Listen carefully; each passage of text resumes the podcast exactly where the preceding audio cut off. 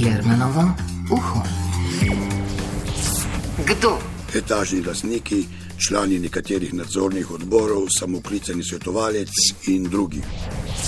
Zakaj? Zaradi samovolje, lastnih interesov in koristi. In kje? Ja, kar po vsej Sloveniji. Jermenovo uho. V petek ob 12. Da je upravljanje z večstrovanskimi hišami, bloki donosno, kaže tudi podatek, da je v Sloveniji registriranih za to dejavnost okrog 400 podjetij in SP-jev.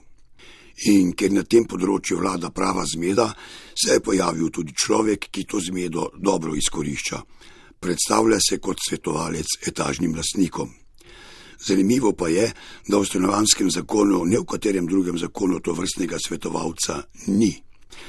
Omenjen svetovalec Bojan Bučinel namreč pri zamenjavi in iskanju novega upravnika etažnim lastnikom večinoma predlaga tri upravnike, s katerimi je v močni navezi in ga za pridobivanje poslov seveda tudi finančno nagradijo. Tako je bilo tudi na Vošnjakovi ulici v Ljubljani. Nekateri so se pravzaprav odločili za zamenjavo upravnika. Načeloma smo se strinjali v hiši, da bi ga morda si izbrali in pooblastili nadzorni odbor, da naj naredi razpisno komisijo za novega upravnika in nam predloži predloge, kdo je dal ponudbo. Koliko pa je bilo ponudnikov? Ne vemo natančno, na hitro so nam povedali, da pa je pet. Kdo pa je forsiral upravnika sedanjega? Ja, mislim, da nadzorni odbor, ker so nam dali na sestanku povedali, da je bila to najboljša ponudba in tako so jo zbrali in z njim podpisali pogodbo, ne da bi mi sploh imeli v pogled, kakšno pogodbo so podpisali, preden so jo podpisali. Tukaj ste zbirali tudi podpise za svetovalca. Ja, ker so rekli, da ga rabijo. Kakšnega svetovalca? Svetovalca nadzornemu odboru, da jim bo pomagal kontrolirati upravnika kar je meni totalna neumnost. Če nadzorni odbor ne more sam kontrolirati upravnika, potem ne jih da to komu drugmu, ki bo to zmogel. Pa ste vedeli, za koga gre? So nam povedali, ker je prišel na prvotni sestanek. Kdo to? Gospod Bučinel je prišel na prvi sestanek, ko je bil prisoten prejšnji upravnik in so se skregali, ampak Bučinel je prišel na prvi sestanek razložiti, zakaj rabimo ne vem kaj. To je interno bilo z nadzornim odborom, mi, lastniki, o tem nismo nič vedeli, dokler nismo dobili vsega gradiva, ki je bilo že vse podpisano. Jermanovo uho. Da samoklicani svetovalec išče posel predvsem za tri upravnike, ki mu za vsako pridobljeno stranko plačajo, nam je povedal tudi en izmed SP upravnikov, ki se je prijavil na razpisu v enem izmed blokov v Mengšu. Povedal je, da ni dobil popolne razpisne dokumentacije, da je bil k razpisu pozvan šele na zahtevo dela etažnih lastnikov, ko v gledu stolpnice, tako kot drugi trije upravniki, ni bil pozvan, kar jasno kaže na to, da so imeli prednost in privilegij Bučenelovi upravniki. In še zanimivost. V pogodbi oziroma po oblastilu, kjer je zapisano, da postopek zamenjave upravnika in razpisa novega izvede gospod Bučinel, je zapisano, da mu za ta dela pripada porcija jetrc. No, že to jasno priča o nivoju svetovanja. Nisem še videl pogodbe ali pooblastila, kjer je na mesto honorarja zapisana najljubša jed podpisnika.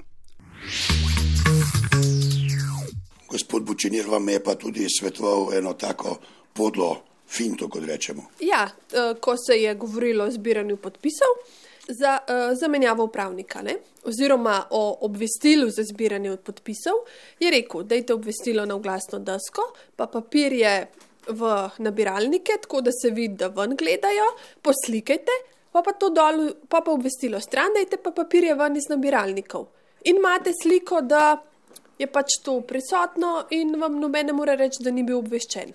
Torej, najprej poslikati, potem pa papirje vzeti. Ja, tako poslikaš, zato ker se je tako zbiral. Ne? Aha, ta nam bo podpisal, ta je z vem, prejšnjim hišnikom ali pa z nekom drugim, ki noče podpisati v redu, pa mu bo rekel, da boljš, da ne podpiše. Tako, torej, taktično se je šlo po nadstropjih, komu id, kdo, kako.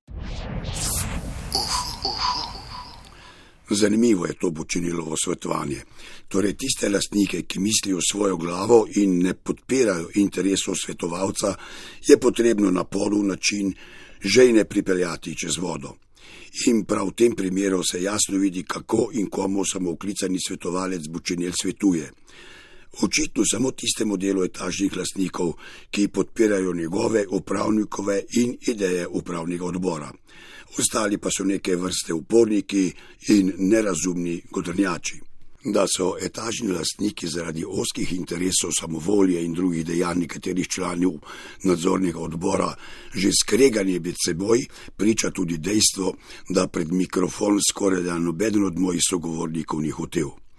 Teh igric imamo dovolj, so mi dejali. Seveda sem za pogovor in odgovore prosil tudi gospoda Bučinela. Najprej je pristal, zatem pa snemanje odpovedal. No, že ve zakaj.